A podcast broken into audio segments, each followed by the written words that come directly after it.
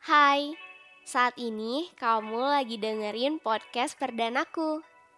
Karena perdana, jadi aku mau perkenalan dulu ah siapa aku dan dari mana sih sosok aku ini.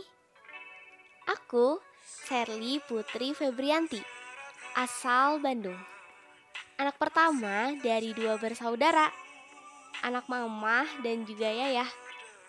Bagiku, mereka itu adalah sosok orang tua yang luar biasa dan secara enggak langsung sangat berkontribusi di kelangsungan kehidupanku hingga saat ini. Ya, kehidupanku nggak semulus plot drama yang dirancang sedemikian rupa. Tapi meski begitu, aku percaya sang perancang alur hidupku selalu punya alasan dan kepercayaan penuh padaku untuk mengendalikannya. Hmm, karena perdana, aku mau bahas sesuatu yang mungkin akan relate dengan para anak sulung di luar sana. Hai anak sulung, tos online dulu yuk. oh ya, kenapa sih bahas ini? Um, untuk mengajak semua orang membenarkan apa yang salah di dalam diri si sulung ini. Menghalalkan segala keegoisannya. Atau apa? Mengeluh. Enggak kok, bukan untuk itu.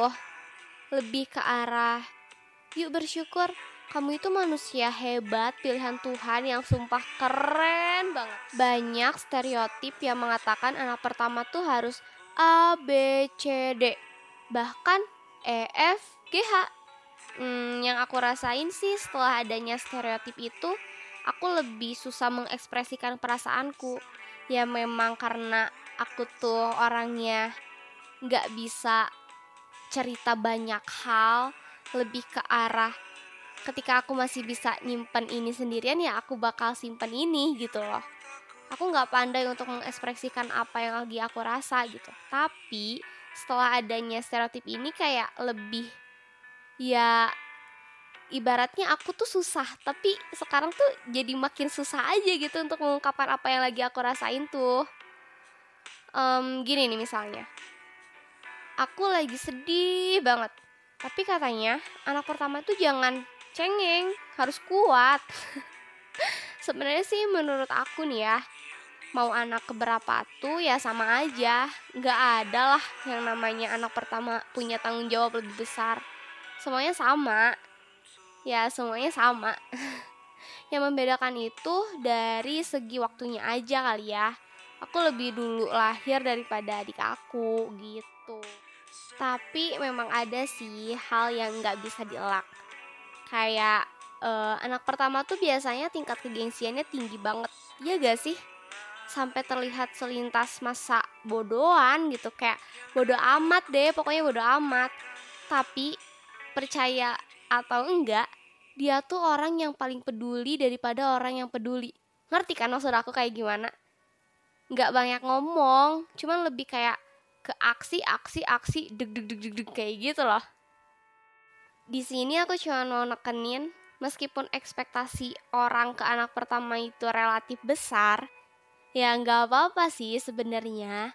Tapi jangan sampai hal itu bikin kamu kehilangan diri kamu sendiri. Untuk capek, ngeluh, bahkan nangis sekalipun, ya itu normal gitu loh.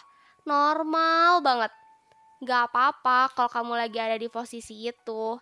Tadi juga fase-fase itu bakalan lewat dengan sendirinya dan ketika kamu udah berhasil lewatin itu, kamu bakal lebih bangga ke diri kamu sendiri. Kayak hal yang gak pernah kamu bayangkan sebelumnya akan terjadi dan terjadi, kamu itu ya dengan ya kita nggak pernah bisa apa ya kayak uh, mulus-mulus aja gitu. Tapi ketika kamu udah selesai nih ngelewati satu hal itu bakal ada rasa kayak wah ternyata aku bisa juga loh.